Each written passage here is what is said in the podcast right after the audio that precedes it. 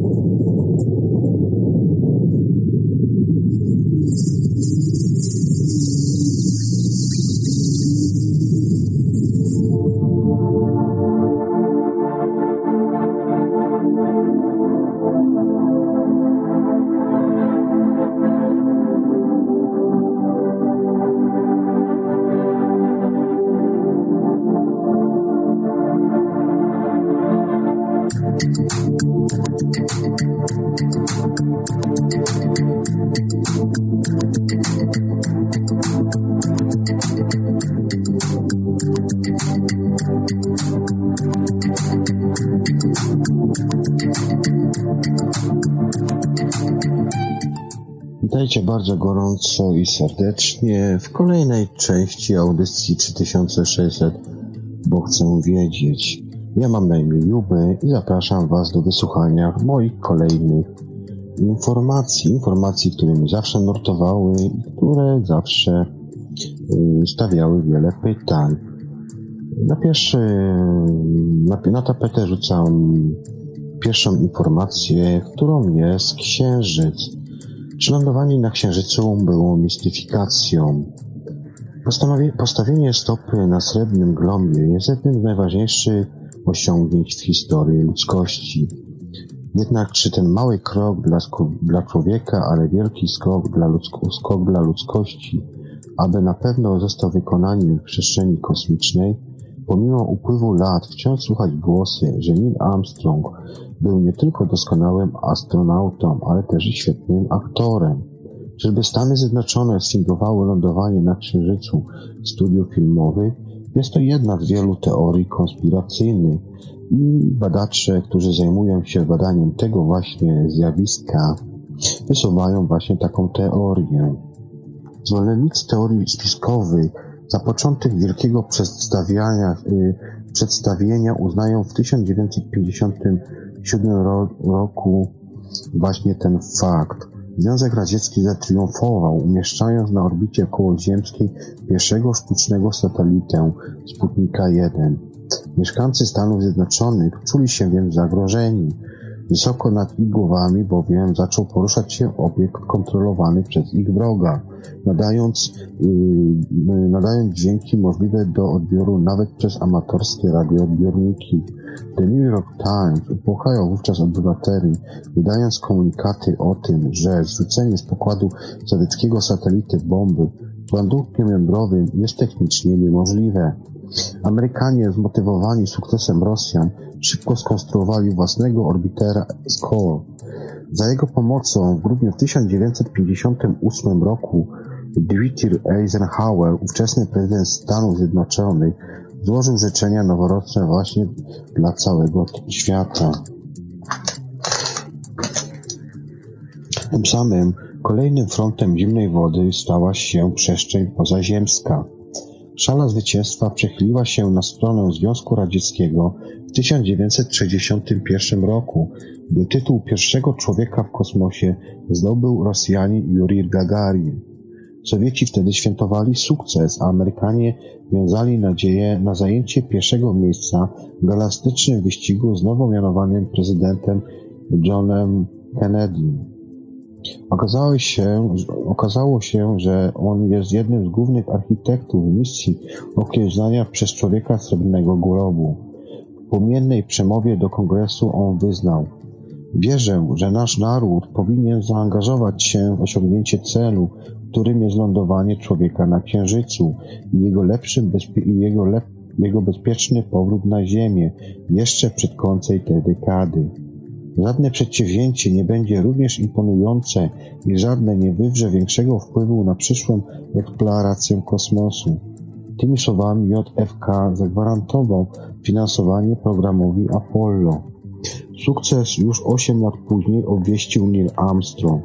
20 lipca 1969 roku miliony ludzi na całym świecie zasiadło przed telewizorami, by podczas transmisji z zobaczyć, jak astronauta stawia, słynne, y, stawia słynny mały krok dla człowieka, ale wielki krok dla ludzkości.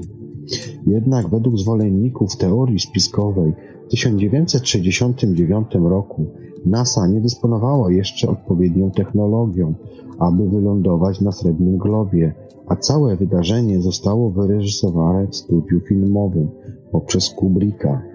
Czy ceną za krytykowanie NASA jest życie? Start pierwszej załogowej misji na Księżyc Amerykanie zaplanowali na początek 1967 roku. Dowódcą Apollo I, dowódcą Apollo I mianowano Virgila Gusa Grissoma, doświadczonego astronautę typowanego na pierwszego ziemianina, który postawił stopę na powierzchni naszego naturalnego satelity. Grissom nie szczędził jednak słów, słów krytyki wobec standardowego projektu NASA, publicznie wytykając jego liczne nieprawidłowości. Być może znał także plan B, zakładający, że w przypadku braku technicznej możliwości rzeczywistego podboju srebrnego globu należy upozorować lądowanie, by za wszelką cenę udowodnić wyższość Stanów Zjednoczonych nad resztą świata. 27 stycznia 1967 roku William Grimson, Edward White i Roger, Roger Huff zajęli miejsce w kapsule Apollo 1, aby przeprowadzić jej test przedstartowy. Doszło wówczas do gwałtownego pożaru, w wyniku którego załoga zginęła. Czyżby wyeliminowano w ten sposób najważniejszego planowane, świadka planowanego oszustwa? Wyrażamy sobie zatem sukces. Pomimo tej katastrofy oraz szeregu kolejnych niepowodzeń przy, przy testowaniu lądownika 16 lipca 1969 roku rozpoczęto odliczanie do startu kluczowej misji Apollo 11. Pieczołowicie zadbano o odpowiednią oprawę marketingową tej największej jak dotąd operacji kosmicznej w dziejach ludzkości. Choć telewizja dopiero raczkowała, finał operacji zdecydowano się transmitować na żywo. Miliony mieszkańców naszej planety obserwowało na małym ekranie, jak rakieta Saturn V z Neilem Armstrongiem, Edwinem Aldrinem i Michaelem Collinsem na pokładzie wznosi się przestworza. Co do jej startu nie ma wątpliwości.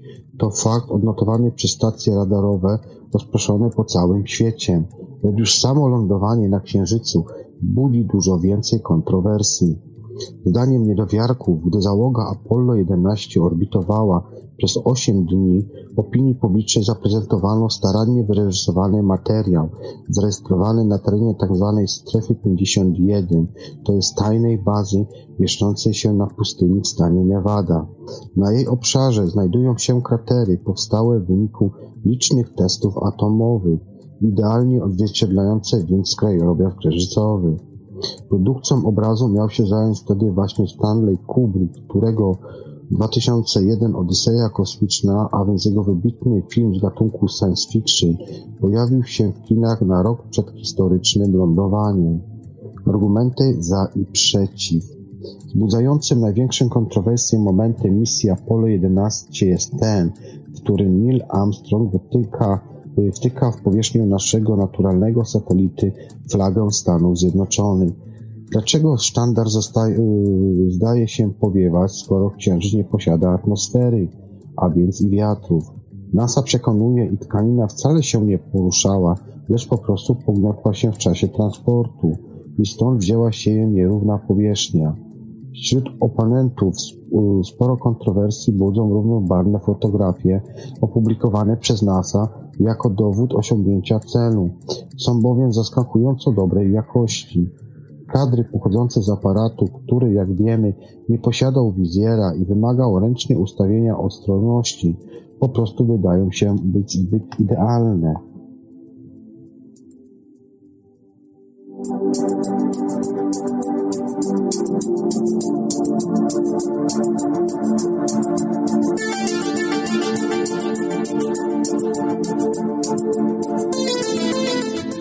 Odpowiedzi na powyższy zarzut amerykańska agencja kosmiczna tłumaczy, że piękne zdjęcia są efektem wielu godzin treningów załogi szkolonej także w zakresie galaktycznej fotografii. Przedstawiciele NASA podają ponadto, iż wśród archiwalnych materiałów misji Apollo 11 nie brakuje również niezbyt udanych odbitek, lecz agencja nie widzi najmniejszego sensu w udostępnianiu nieudanych materiałów. To jednak nie koniec oskarżeń, bo dlaczego na żadnym z kadr nie widać gwiazd, a obiekty rzucają cienie w różnych kierunkach? Przecież Księżyc, podobnie jak Ziemia, ma tylko jedno naturalne źródło światła. Co więcej, czemu drugoplanowe tło powiela się na różnych ujęciach, niezależnie od tego, co przedstawia? Czyżby był to dowód na przeprowadzenie nie tyle misji kosmicznej, co sekwencji fotograficznej w strefie 51? Ponadto Neil Armstrong informował przecież Centrum Dowodzenia w Houston o wszechobecnym na Księżycu pyle, więc jakim cudem lądownik, a zwłaszcza jego podpory, są idealnie czyste. Nienaturalny wydaje się również proces startu modułu wznoszenia, który to zarejestrowała kamera pozostawiona na srebrnym globie. Oczywiście rzekomo, zdalnie sterowana z powierzchni Ziemi. Po pierwsze, opóźnienie transmisji telewizyjnej wynosiło jedynie około 3 sekundy, co wydaje się osiągnięciem tak bardzo karkołomnym, że aż niemożliwym. Po drugie, moment detonacji i rozdzielania się obu części lądownika przypomina film science fiction z marnymi efektami specjalnymi. Po eksplozji wyglądającej jak nowoczesny rozbóz fajerwerku, moduł zaczyna wznosić się jakby wzmagany liną, wzmagany i wspomagany liną. Na próżno można dopatrywać się również śladów gazów wlotowych silników rakietowych, choć przecież powinny się one tam pojawić. NASA oczywiście i na ten zarzut ma wytłumaczenie. Niedowiarkom zarzuca nieznajomość zasad fizyki oraz technicznej strony programu kosmicznego. Moduł księżycowy był bowiem napędzany mieszanką tetratlenku diazotu, dwuskładnikowego paliwa, dedykowanego misji Apollo, Aerozyme 50, którego to gazy spalinowe są bezbarwne. Co interesujące, opracował je Polak Werner Ryszard Kirscher. Przytoczone kwestie stanowią jedynie niewielką część sporu, który od 1969 roku toczą wierzący i niewierzący w postawie, postawienie przez człowieka stopy na srebrnym globie. NASA gorliwie odpiera wszelkie oskarżenia, publikując wyjaśnienia fraptujące kwestie na swojej wytrynie internetowej. Udostępnia tam również fotografie w dużej rozdzielczości oraz fragmenty zapisu z kamer. Kiedy to się naprawdę udało? Od 1969 roku na naszym naturalnym satelicie znalazło się 12 astronautów, a na ich sukces pracowało około 400 tysięcy osób. Czy to możliwe, że oni wszyscy są związani mową milczenia? Wygląda na to, iż człowiek rzeczywiście zdobył, zdołał zdobyć księżyc. Mocny, mocnym dowodem są chociażby zdjęcia z sondy kosmicznej LRO, czyli runa, z angielskiego jest to nazwa Lunar Reconnaissance Orbiter która zarejestrowała sprzęt pozostawiony na Srebrnym Globie przez amerykańską misję. Tyle, że przez tę, przez tę z 1952 roku, a więc poprzez Apollo 17, a nie z 1969 roku. Właściwie postawione pytanie o lądowanie na Księżycu nie powinno więc zaczynać się od 3, lecz kiedy tak naprawdę byliśmy tam po raz pierwszy. Możliwe, iż operacja Apollo 11 była jedynie doskonale zaplanowanym spektaklem, mającym utrzeć nosa wygrywającemu galaktyczny, y, galaktyczny wyścig związkowy radzieckiemu. Choć przecież tak naprawdę takiego nie było, tak przynajmniej, tak przynajmniej niektórzy twierdzą. Pikanterii sprawie dodaje również fakt, że oryginalna taśma z nagraniem wielkiego skoku dla ludzkości po prostu zaginęła. Najważniejszy dowód jednego z najbardziej spektakularnych osiągnięć człowieka został skasowany, podobno w wyniku fatalnej pomyłki. Lecz czy takie przypadki nie są zazwyczaj najmniej przypadkowe? Co o tym sądzicie?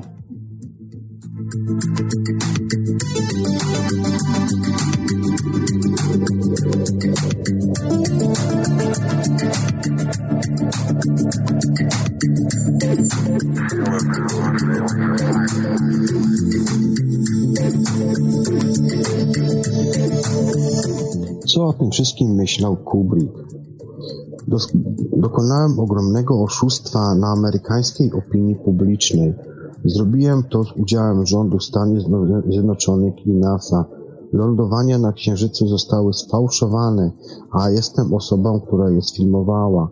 Wyznał w wywiadzie przeprowadzonym w 1999 roku Stanley Kubrick, twórca filmu 2001 Odyseja kosmiczna, kadr pierwszy i trzeci. Czy słynny reżyser jest zatem autorem fotografii, które zostały zrobione podczas rzekomej pierwszej misji na Srebrny Glob, a może Kubrick tylko po prostu zażartował? Neil Armstrong. Jego autograf, jego autograf kosztuje więcej niż podobizna z podpisem Marilyn Monroe. Gdy astronauta dowiedział się, że autografy są przedmiotem handlu, przestał je rozdawać. Ed, Ed, Edwin Buzu Aldrin. Pierwsze zdjęcie człowieka na, księżyca, na księżycu przedstawiają Aldrina, gdy schodzi z drabinki lądownika. Po godzinach a astronauta jest zapalonym wolnomularzem. Michael Collins, pilot modułu dowodzenia, był na księżycu, ale go nie zwiedzał. Niestety ciągle uchodzi przez to za tego trzeciego, którego nazwiska nikt niestety nie pamięta. Technologia nazistów. Konstruktorem rakiety, która wyniosła pierwszych ludzi na powierzchnię Srebrnego Globu, był Werner von Braun, podczas II wojny światowej członek NSDAP, a także główny inżynier pocisków rakietowych V2, z których korzystali hitlerowcy. Ta trzyosobowa rodzina jako pierwsza rozbiła obóz na plaży niedaleko Kennedy Space Center, aby oglądać start Apollo 11. Epokowe wydarzenie zgromdziło w jednym miejscu około milionów, miliona osób. Jest tu oczywiście mowa o piaszczystym punktu widokowym, z którego to można obserwować było właśnie tenże lot. Chwila niepewności. Na oczach wiceprezydenta USA Spiro Agnewa, byłego prezydenta Lyndona Johnsona oraz resztki oniemiałego tłumu, rakieta Saturn V odrywała się od Ziemi i rozpoczynała swoją podróż ku zewnemu globowi. Polska była jednym z krajem bloku wschodniego, w którym to transmitowano lądowanie człowieka na Księżycu. Decyzję wbrew woli Związku Radzieckiego podjął pierwszy sekretarz KCPZPR Władysław Gomułka. Interesującego odkrycia dokonano w 2006 roku. Holenderskie Muzeum Narodowe wystawiło wtedy eksponat, który rzekomy miał być kamieniem przywiezionym przez astronautów z pierwszej wizyty na Srebrnym Globie. Po, po czasie okazało się, iż zwiedzającym przedstawiono wówczas skamieniały kawałek drewna ziemskiego, rzecz oczywista. Krótkie Luny w 1959 roku Radziecka sonda Luna y, jako pierwsza zderzyła się z Księżycem. Poza badaniem pola magnetycznego urządzenie miało pozostawić na jego powierzchni dwie tytanowe kule. Na każdej z nich widniał sierp oraz młot.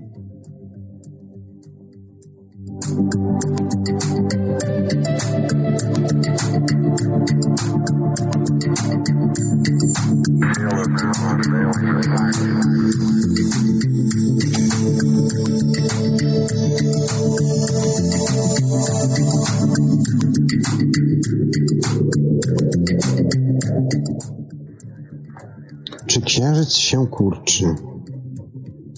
Księżyc od miliardów lat chroni nas przez asteroidami. Wiele z nich zamiast trafić na Ziemię uderza w powierzchnię naszego naturalnego satelity, zostawiając po sobie gigantyczne kratery. Jądro Księżyca jest ciałem stałym i przypomina jądro błękitnej planety. Stygnie jednak znacznie szybciej niż ziemskie, przez co na powierzchni naszego naturalnego satelity powstają wąwozy oraz szczeliny.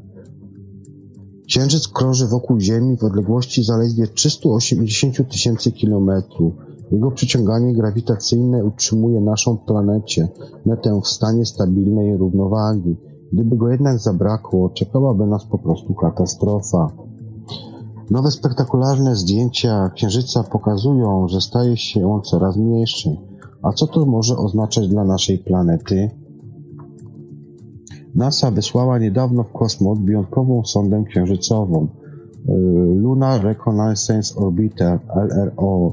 Z jej pomocą agencja kosmiczna chce dokonać czegoś, co wcześniej nie dowiodła, nie powiodło się ze względu na braki techniczne, to więc stworzyć kompletną fotograficzną mapę całego grobu jakości w jakości HD.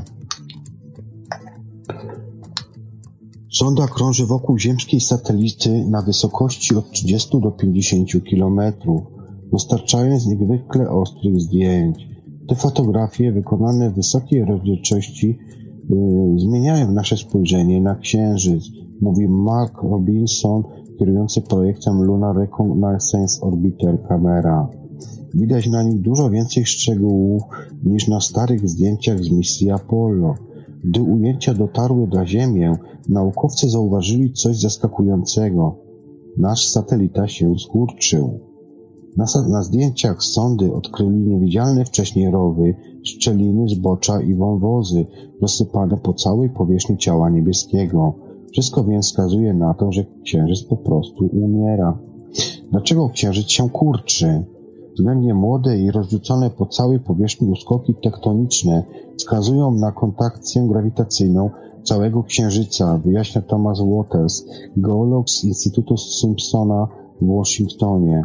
Wraz z zespołem przeanalizował on zmiany struktur i porównał nowe fotografie wykowane przez sądem LRO zdjęciami z różnych misji Apollo z lat 70. ubiegłego wieku. W ten sposób Waters, Watersowi udało się wyliczyć, o ile większy był Księżyc w momencie narodzin, czyli około 4 miliardów lat temu. Stwierdził, że średnica ziemskiego satelity zmniejszyła się w tym czasie o co najmniej 100 metrów. Taka zmiana brzmi niegroźnie, biorąc pod uwagę, że, został jeszcze, że zostało jeszcze 350 razy tyle kilometrów. Lecz badacze z NASA dokonali innego zaskakującego odkrycia. Kurczenie się jest to skutek spadku temperatury we wnętrzu Księżyca. Tak jak Ziemia, nasz satelita ma stałe jądro otoczone magmą, temperatura w jego centrum wynosi około 1400 stopni, ale inaczej niż we wnętrzu błękitnej planety. W jądrze Księżyca nie zachodzi rozpadu, nie zachodzi rozpad pierwiastków radioaktywnych, których mógłby na przykład y, nadal ogrzewać środek. W efekcie gruba na 50 km struktura srebrnego globu odkurcza się niczym widniejące jabłko, a na jego powierzchni powstają pęknięcia i rozpadliny. Także nasza planeta nie jest tu całkowicie bez winy. Uczeni odkryli, że przyciąganie ziemskie ugniata księżyc niczym ciasto, co w trakcie 4 miliardów lat doprowadziło do powstania nawet 3200 uskoków na jego powierzchni. Ziemia nie odczuwa jeszcze skutków tego procesu, ale co się wydarzy, jeśli nasza, nasz satelita nie przestanie się kurczyć? Jak ważny jest on dla życia na błękitnej planecie? Co się stanie, gdy Księżyc zniknie? Od miliardów lat Księżyc krąży wokół Ziemi. Obecnie znajduje się zaledwie 380 tysięcy kilometrów od nas. Ze względu na niewielką odległość oba ciała działające na siebie siłami grawitacyjnymi o dużym natężeniu, które są odpowiedzialne m.in. za przypływ i odpływ na naszej planecie, pływy pozostają przy tym w stanie ciągłej równowagi sił, a to wyraźnie wyhamowuje rotację Ziemi. Co w związku z tym stałoby się, gdyby księżyc faktycznie zniknął? Skutki były, były wręcz katastrofalne, gdyż jego obecność zawdzięczamy istnieniu stałych pór roku oraz ustabilizowanie się klimatu. Siła przyciągania tego ciała niebieskiego utrzymuje nachylenie osi obrotu Ziemi, zapewniając w ten sposób co pół roku większe nasłonecznienie półkuli północnej bądź południowej. Jeśli nagle księżyc by zniknął, Ziemi zabrakłoby tej przewagi. Nasza planeta wpadłaby w korkociąg i co kilka milionów lat miałaby nachylenie od 0 do 85 stopni. Pojawiałyby się odrębne strefy klimatyczne, w których panowałaby albo piekielnie gorąca, albo trzaskająca mróz pogoda.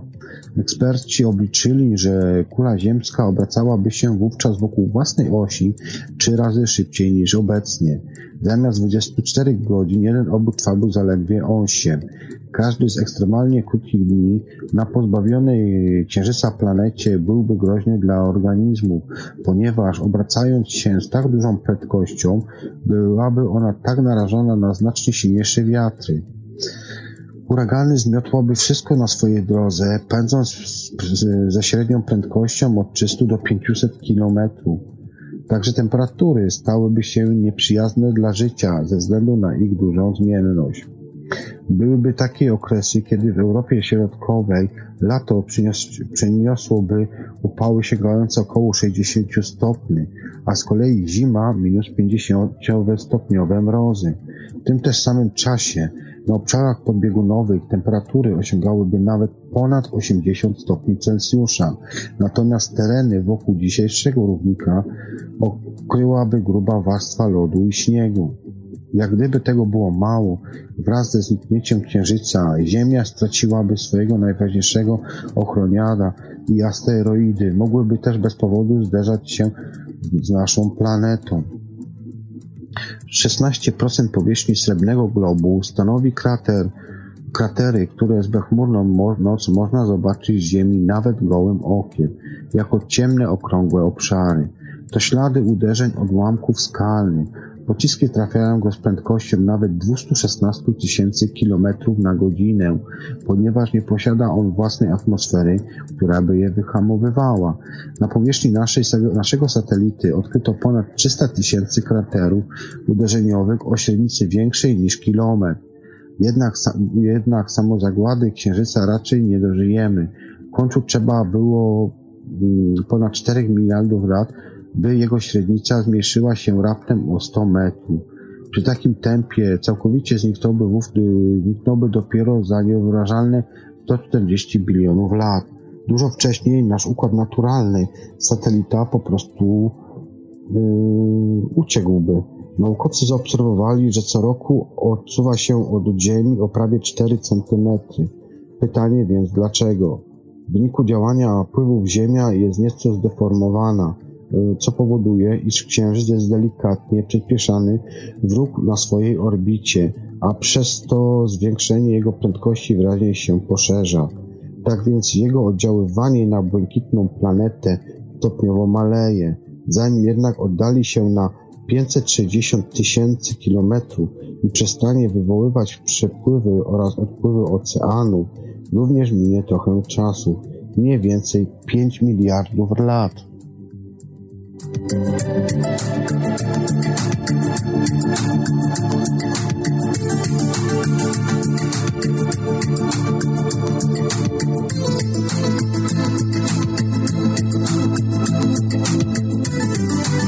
Jeszcze jako tylko ciekawostka, Największy krater uderzeniowy na Księżycu ma średnicę 2,5 tysiąca kilometrów i głębokość 12 kilometrów.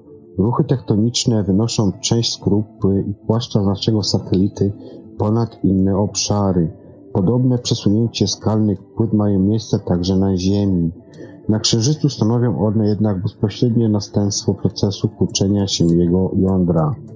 Ponieważ wnętrze Księżyca stygnie i się kurczy, płaszcz oraz skorupa nacierają na siebie, ulegając sprasowaniu. Wierzchnia warstwa Księżyca, zwana skorupą, ma grubość 50 km. Ulega ona deformacjom wskutek okładania się jego wnętrza. Wzajemny nacisk warstw skalnych wypycha część powierzchni w górę, co prowadzi do powstania gigantycznych klifów i urwisk. Pas Księżyca to warstwa pomiędzy jego skorupą a jądrą. Wykonane przez LRO fotografie w jakości HD ukazują nowe rozpadliny i zbocza, które powstały wskutek kurczenia się Księżyca.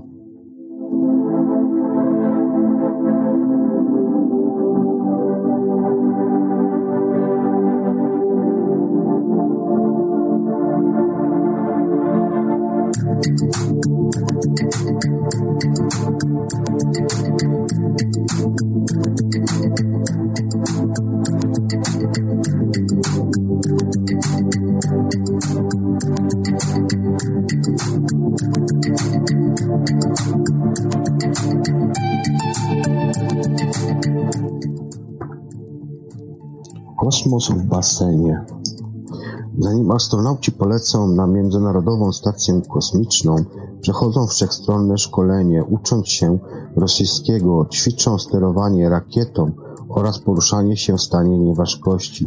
Aby mogli trenować to ostatnie, NASA wybudowała gigantyczny y, basen. Jest to takie jakby laboratorium w którym imituje się brak grawitacji za pomocą ciężarków i przyrządów wypornościowych. Basen w Teksasie ma 62 metry długości i 31 metrów szerokości oraz 12 metrów głębokości. Astronauci ćwiczą w nim poruszanie się w stanie nieważkości na przygotowanym w skali 1 do 1 modelu kilku modułów Międzynarodowej Stacji Kosmicznej ISS.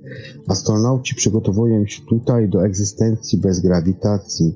Zejścia pod wodę w tym gigantycznym basenie trwają do 6 godzin. Żaden basen na świecie nie jest na tyle duży, by pomieścić całą kopię ISS.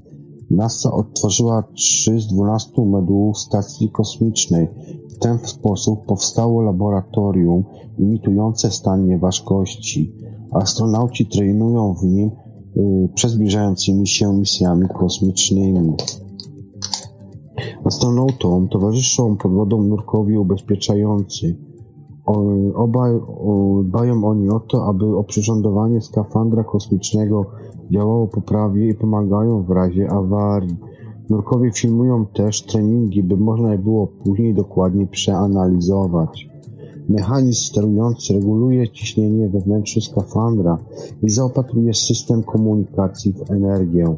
Ponadto też dostarcza kosmonaucie tlenu. Tak zwaną mistyfikację roboczą przytwierdza się astronautom do klatki e, piersiowej. Jest ona niezbędna do przeżycia w kosmosie. Przewodem zabezpieczającym łączy ona astronautę z ISS. Astronauci ćwiczą misje poza, pozapokładowe pod wodą na modelach właśnie odpowiadających rozmiarom modułom ISS. W ciągu minionych 10 lat przeprowadzono tutaj symulację 155 spaterów orbitalnych. To 2,5 razy więcej niż było ich faktycznie w całej historii załogowych lotów w kosmos. Każda sekunda pobytu w przestrzeni pozaziemskiej musi być zaplanowana na wykładek wystąpienia takiej właśnie oto awarii.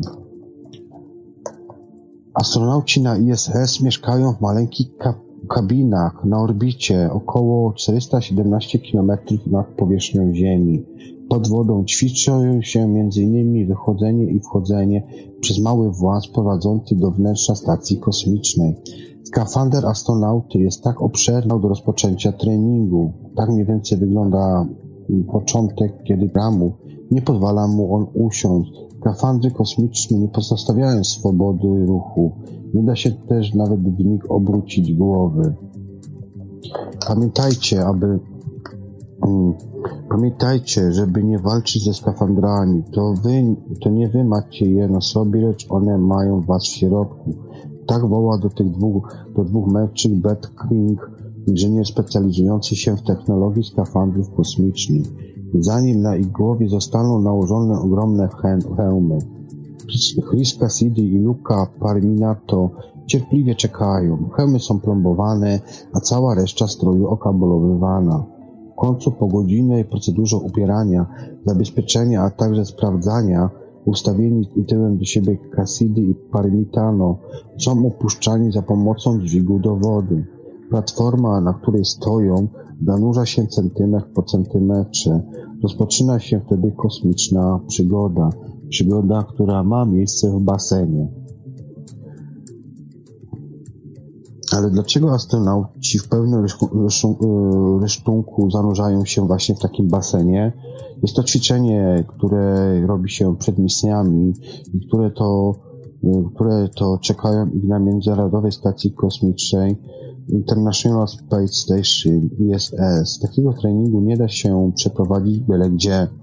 Aby stworzyć symulator stanu nieważkości, NASA wybudowała właśnie takie, tak, wybudowała Sony, Sony Carter Training Facility w Houston, największy taki właśnie basen na świecie. Laboratorium neutralnej pływalności Neutral Buoyance Laboratory NBL jest wypełnione 23 milionami litrów wody. Ma on 12 metrów głębokości, czyli niemal 6 razy więcej niż olimpijski basen pływacki. 62 metry długości i 31 metrów szerokości. W jego wnętrzu skonstruowano wierny model ISS, a raczej część jego, składająca się z trzech części. Nawet basen zbudowany przez NASA nie może mieć wielkości całej stacji kosmicznej. Jest po prostu ona za duża. Wraz z panelami baterii słonecznych zajmuje ona powierzchnię boiska piłkarskiego. W laboratorium neutralnej pływalności tendencja obiektów do, do tonięcia jest równoważona przez tendencję do wypływania. Osiąga się to przy wykorzystywaniu ciężarków oraz urządzeń wypornościowych. Wydaje się, że człowiek dryfuje pod wodą. Dokładnie tak jak w kosmosie. Astronauta w basenie nie jest jednak naprawdę pozbawiony ciężaru. Ma nawet poczucie własnej wagi w skafandrze. Ponadto za sprawą oporu stawianego przez wodę astronauci mogą poruszać się w sposób bardziej kontrolowalny. Prace wykonywane NBL są dzięki temu trochę łatwiejsze niż w kosmosie. Tak bowiem, jak wiadomo, tam bowiem, jak wiadomo, nie ma oporu. Mimo tych drobnych wad, trening MBL jest najlepszą metodą, możliwą metodą przygotowania kosmonautów do przyszłych spacerów między gwiazdami. Sony Carter Training Facility ćwiczą m.in. zachowanie się w sytuacji kryzysowej. Podczas zadań poza, poza, pozazakładowych na ISS muszą wykonywać naprawy i zdejmować oraz montować instrumenty pomiarowe.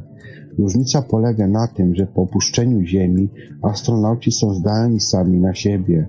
Gdy popełnią choć jeden błąd, misja się nie powiedzie. W najgorszym razie kosmonauta może stracić połączenie ze stacją i po 7,5 godzinach umrzeć na orbicie z powodu wyczerpania się tlenu w skafandrze.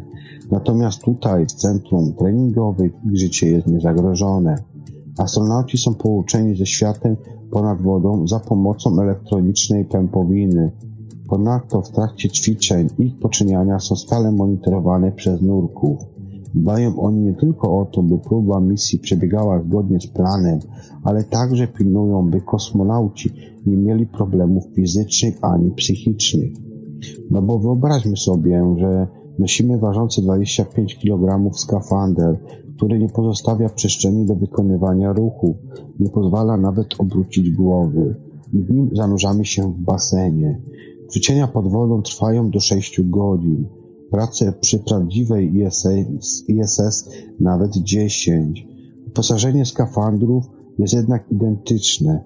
Na piersiach astronauci mają zamontowaną tzw. Tak stację roboczą.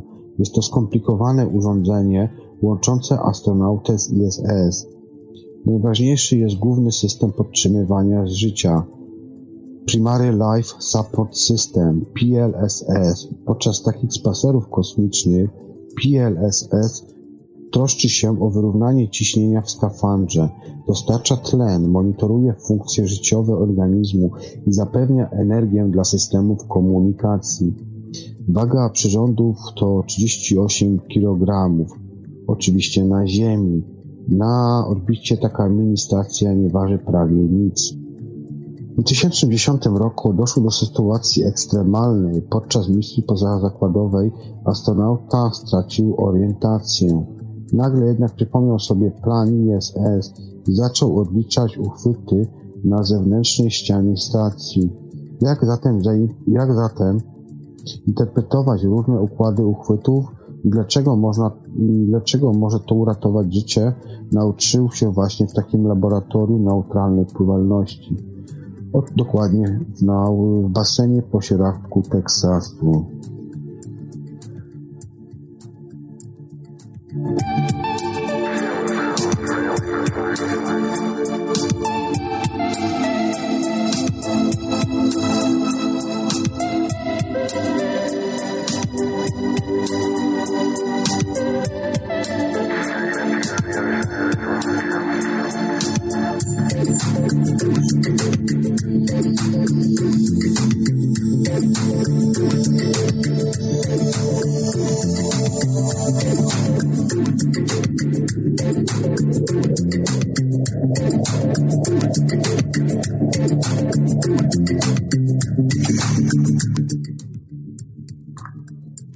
Zagadek Saturna Kosmiczne okręgi Pierścienie otaczają także Jowisza, Urana i Neptuna, a nawet asteroidy.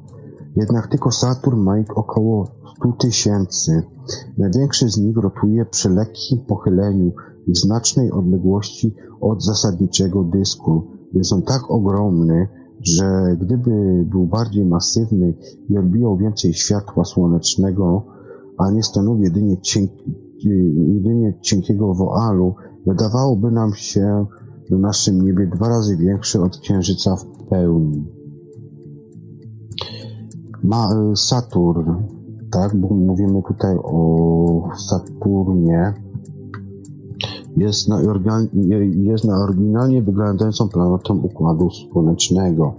Żadna inna nie skrywa też tylu tajemnic, co ten Saturn właśnie. Okazuje się, że otaczający go 100 tysięcy, że otaczający go 100 tysięcy pierścieni to jest jeszcze nie wszystko. Jeśli ujrzymy na bezchmurnym nocnym niebie Saturna, będzie on oddalony od nas o co najmniej miliard kilometrów, a czasami nawet i więcej. Choć to niewyobrażalnie wielka jest odległość, warunkach kosmicznych lokuje się raczej w skali mikro. W rzeczywistości Saturn znajduje się niemal u naszych drzwi. Jest on na tyle wyjątkowy, że astronomowie, którzy w 1997 roku obserwowali go za pomocą sondy Cassini, wsiąd odkrywali w nim coś interesującego. Dane wysyłane z aparatury na Ziemię dały nie tylko nowe wskazówki na temat powstania naszej planety oraz Układu Słonecznego.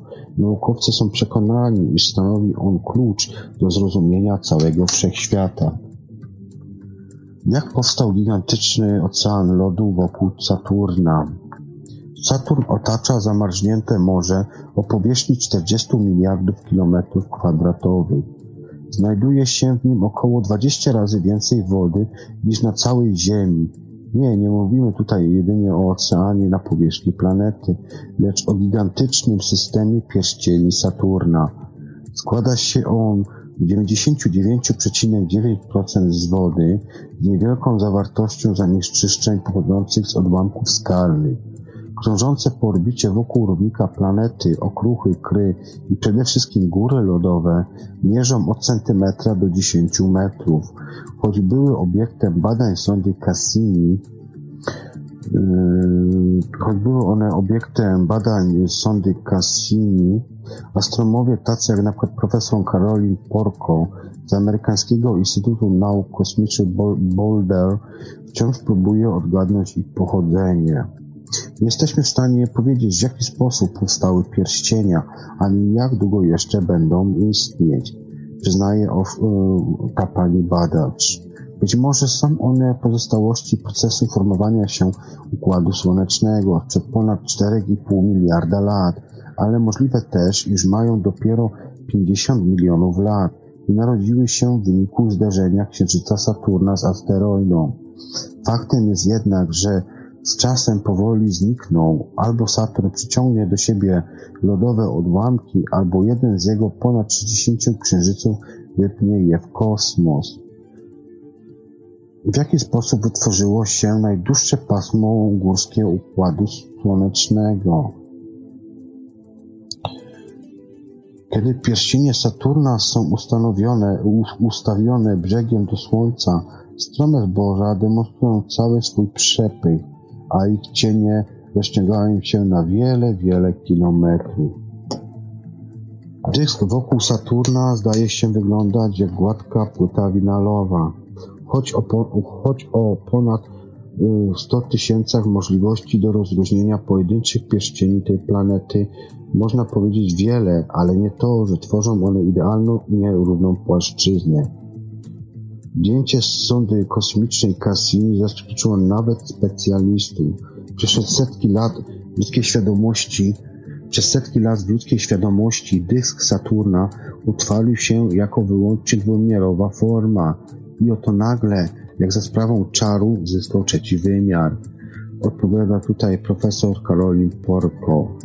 Zdjęcia dowodzą, że w złożonym z pierścieni dysku o szerokości 100 tysięcy kilometrów, lecz o grubości średniej od 10 do 100 metrów, pojawiają się strefy, gdzie materii jest o wiele mniej, takie jak na przykład przerwa Cassiniego. Ma ona, ma ona prawie 5000 kilometrów szerokości, czyli niemal tyle, ile dzieli Warszawę od Bombaju. To, co najbardziej niezwykłe, to to, że, co znajduje się na jej krawędzi. Tuż nad przepaścią piętrzy się tu bowiem, piętrzą się tutaj bowiem góry na ponad 700 tysięcy kilometrów długości. Rozciąga się prawdopodobnie najdłuższe pasmo górskie naszego Układu Słonecznego, otaczającego całego Saturna. Najwyższe szczyty osiągają wysokość bliską 2,5 tysiąca metrów. Trzeba też dodać, że nie są tak masywne jak na przykład Tatry. Składają się z pojedynczych odłamków lodu oraz skał, czasem drobnych niczym pyły, pyłek kurzu, a czasem dużych jak samochód ciężarowy. Ale dlaczego wypiętrzają się właśnie akurat tutaj? Orbita niektórych księżyców jest lekko nachylona i znajduje się dokładnie w jednej płaszczyźnie z pierścieniami. To wystarcza, by wyrwać w nich pojedyncze elementy. Wyjaśnia tutaj pani dr Linda Spilkel z Laboratorium Napędu Odrzutowego w kalifornijskiej Pasad Pasadonie. Odłamki zderzają się ze sobą, wpadają w swego rodzaju pułapkę grawitacyjną pomiędzy Księżycami i Saturnem, piętrząc się w coraz to wyższe góry. Astronomowie też przypuszczają, że podobna ucieczka i ponownie, ponowne wychwytywanie materii, jak w pierścieniach Saturna, wpłynęły na dzisiejszy kształt całego Układu Słonecznego. Mamy na razie tylko dwa miejsca w całym wszechświecie, gdzie z chmur regularnie pada deszcz. Długie na setki kilometrów rzeki padają do jezior i oceanów, a atmosfera składa się um, głównie z azotu. Pierwszym z nich jest Ziemia, drugim Tytan, Księżyc Saturna, Trzeba jednak dodać, że deszcz na Tytanie nie składa się z wody, ale z płynnego metanu, a temperatura powierzchni wynosząca minus 180 stopni Celsjusza bynajmniej nie zachęca do składania tam wizy. Mimo to nie nie na przykład Mars, lecz właśnie ten drugi, co do wielkości w Układzie Słonecznym Księżyc, bowiem jego średnica jest około 100 km mniejsza niż średnica Ganymedesa, satelity Jowisza, jest uznawany za miejsce najbardziej podobne do naszego globu.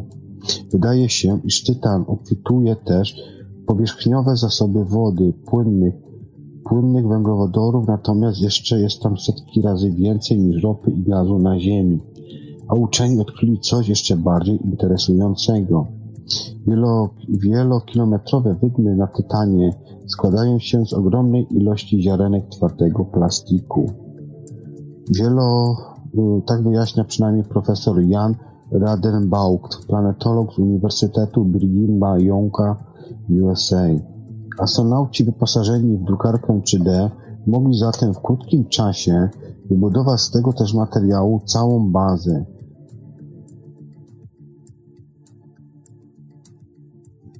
Jak im dokładniej naukowcy badają Tytana, tym bardziej ich on zaskakuje. Jeziorach płynnego materiału o głębokości dotyczącej do, dochodzącej do 300 metrów nie tylko tworzą się podobne do ziemskich fale, ale wyrządzają się z nich takie tajemnicze obiekty. Mogą to być na przykład pęcherzyki powietrza, a nawet góry lądowe. Tytan znajduje się 20 razy dalej od, naszego, od naszej planety niż Mars. Jednak astronautów, którzy tam dotrzą, może czekać naprawdę miła niespodzianka. Wierzy się w to również, wierzy w to również profesor Radenbauch. Nie mieliśmy o tym wszystkim pojęcia. Podobieństwo do Ziemi jest wręcz zaskakujące.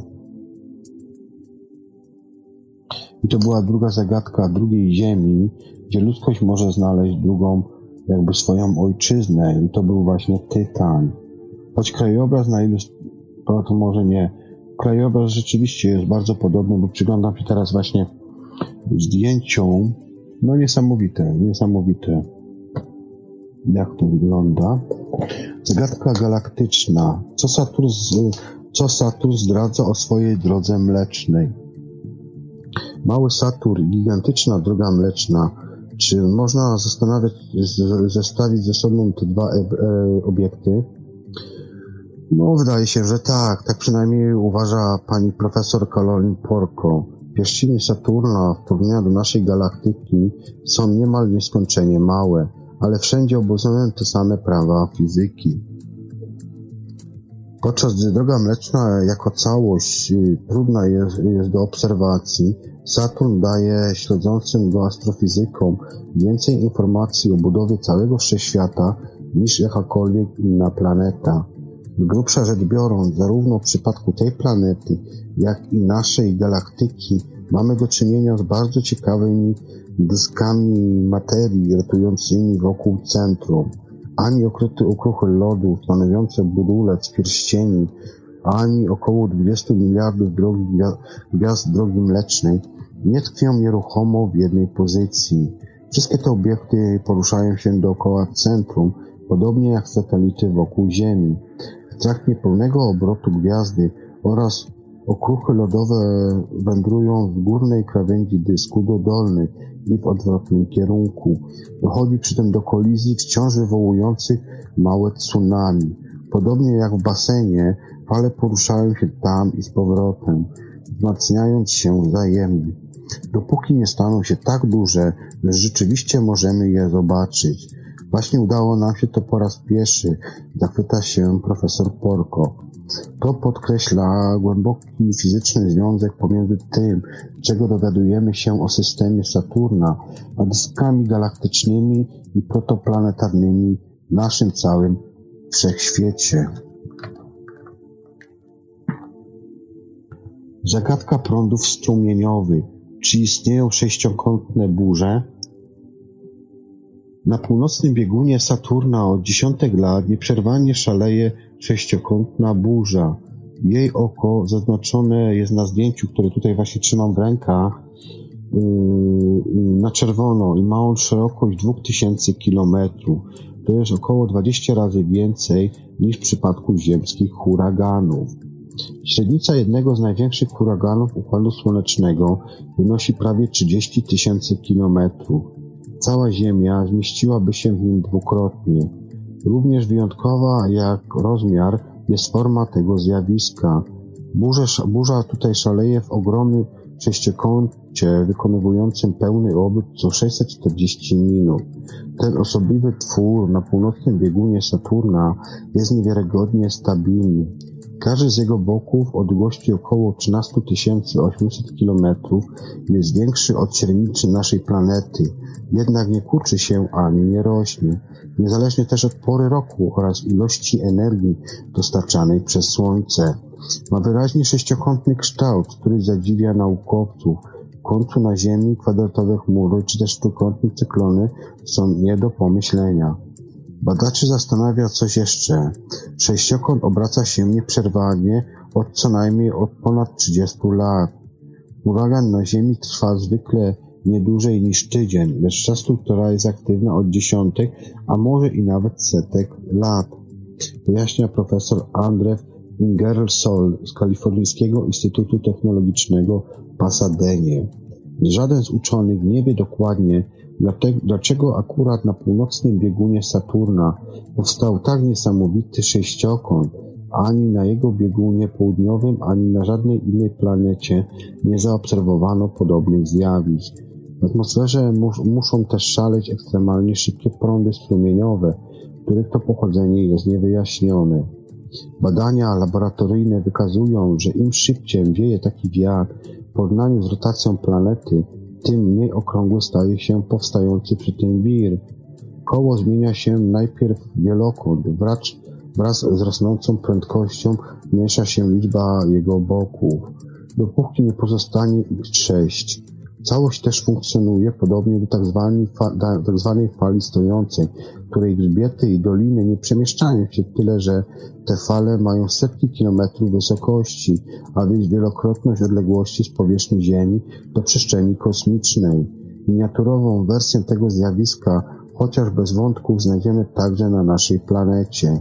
Sześcioboczny prąd strumieniowy działa jak swego rodzaju bariera dla mas powietrzna z zewnątrz. Podobny proces odpowiada za powstawanie dziury ozonowej nad Atlantyką. Tak tłumaczy pani profesor Junio Sainadji z Uniwersytetu Hampton w Virginii.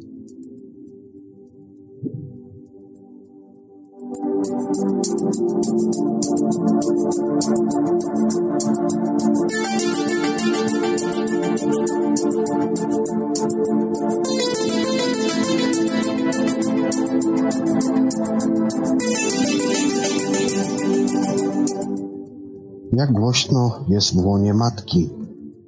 Troszkę z innej beczki, już nie od strony kosmicznej. Y, jak pomiary wykazały, pomiary wykazały, że tło akustyczne w łonie matki nigdy nie spada poniżej 28 dB. Jest to porównywalne z nieustającym tykaniem ściennego zegara. Płód słyszy głos matki, przepływającą krew, szmery oddechowe lub jelitowe. Nim się urodzi, słyszy bicie matczynego serca ponad 26 miliony razy. Najgłośniej jednak jest, najgłośniejszy jest jednak układ trawienny. Szmery jelitowe osiągają poziom natężenia dźwięku do 84 dB, co odpowiada głośności klaksonu.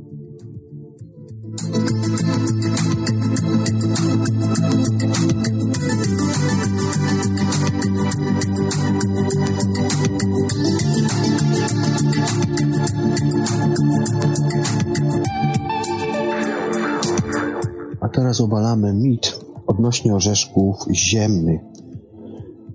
Nie wolno jeść orzeszków ziemnych po, podczas laktacji. Jak się okazuje, nie do końca tak jest. Liczba osób z alergią na orzeszki ziemne stale rośnie i w Europie, i w Ameryce Północnej. Dlatego też można przeczytać porady, żeby kobiety karmiące piersią ich nie spożywały, nie dawały małym dzieciom.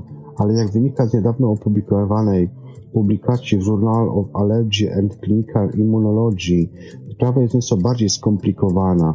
Przebadano stan zdrowia niemal 350 kanadyjskich siedmiolatków, sprawdzając jak to było z orzeszkami w ich życiu. Okazało się, że jeśli karmiące matki nie jadły orzeszków, nie dawały im dzieciom w różnej formie przez skończenie 12 miesiąca życia, to odsetek alergików wśród siedmiolatków wynosił zaledwie 5,6%.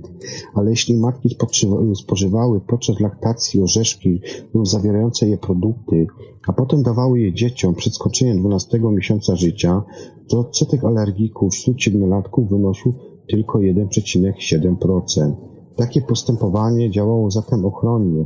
Niestety samo jedzenie orzeszków przez karmiące matki wykluczeniem ich z diety takich małych dzieci wcale nie miało korzystnego działania.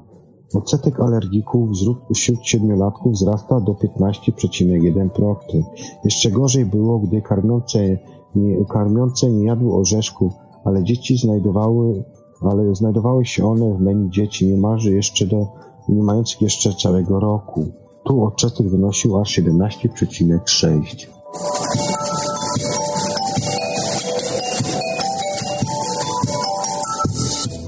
serdecznie dziękuję za wysłuchanie kolejnego odcinka audycji 3600 sekund bokcem wiedzy i po kolejne informacje zapraszam Was już do następnego odcinka. Serdecznie pozdrawiam i do usłyszenia w następnej audycji. Juby.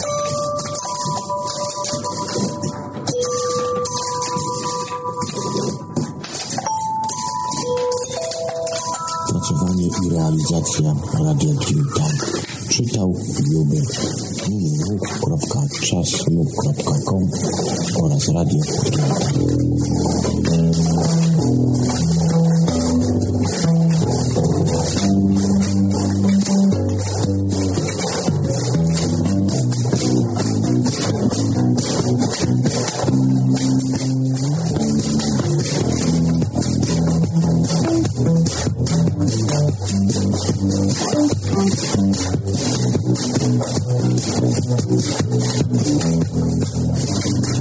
you.